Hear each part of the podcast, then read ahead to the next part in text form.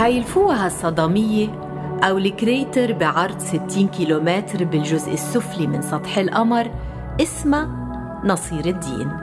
وفي كويكب صغير تم تسميته عام 1979 بالطوسي نصير الدين الطوسي هو عالم موسوعي مسلم عاش بالقرن الثالث عشر للميلاد قبل عصر النهضة ببضعة قرون. ويمكن المرادف للفلك بعصر النهضة هو اسم العالم البولندي كوبرنيكوس اللي استبدل فكرة مركزية الأرض بمركزية الشمس. الفكرة اللي فصلت العالم القديم عن العالم الحديث. في إحساس دايما بأنه عصر النهضة هو لحظة انقلاب تاريخية.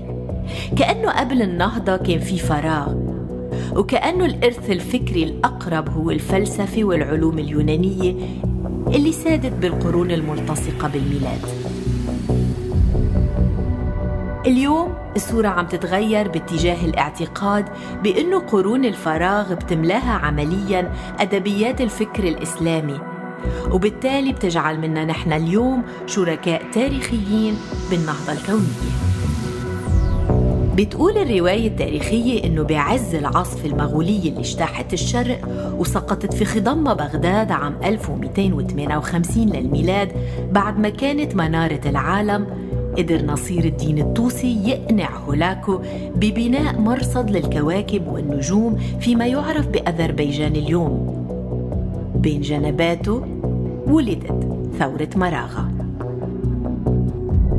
تحت قبة مرصد مراغة اللي كان الأكبر بالتاريخ حتى هداك الوقت تشكلت مدرسة مراغة النقدية اللي وضعت تحت المجهر النموذج البطليمي للكون بعد ما كان كتابه لبطليموس اللي سماه العرب بالماجستي أي العظيم نقطة ارتكاز أساسية بساحات علم الفلك الإسلامية.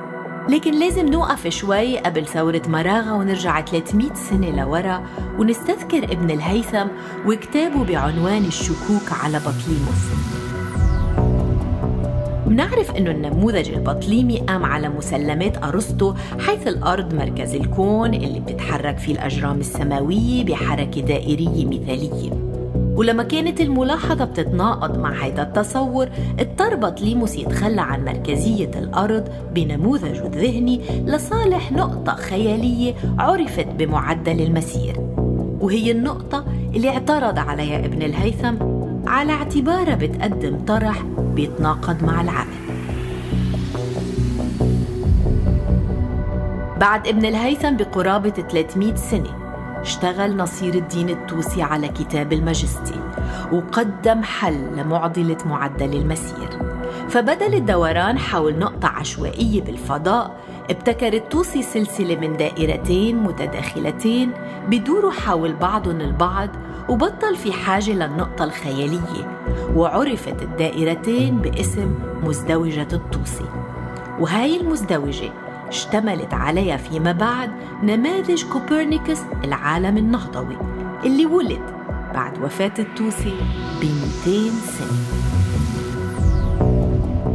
كوبرنيكوس على فراش الموت قدم للعالم نموذج لكون بتوقع الشمس بمركزه. نموذج قدم حلول لمعضلات رياضية وأخرى فرضتها الملاحظة. لكن الأهم هو أنه غير عملياً نظرتنا للكون إلى الأبد. نموذج كوبرنيكوس ما أقنع المجتمع العلمي بهداك الوقت بالتخلي عن النموذج الأرسطي بسبب وقوعه بحيز الفرضيات. لكن بمفعول رجعي هو البداية الحقيقية لعلم الفلك الحديث والشرارة الأولى للثورة العلمية اللي ما زلنا عايشين بكنفها.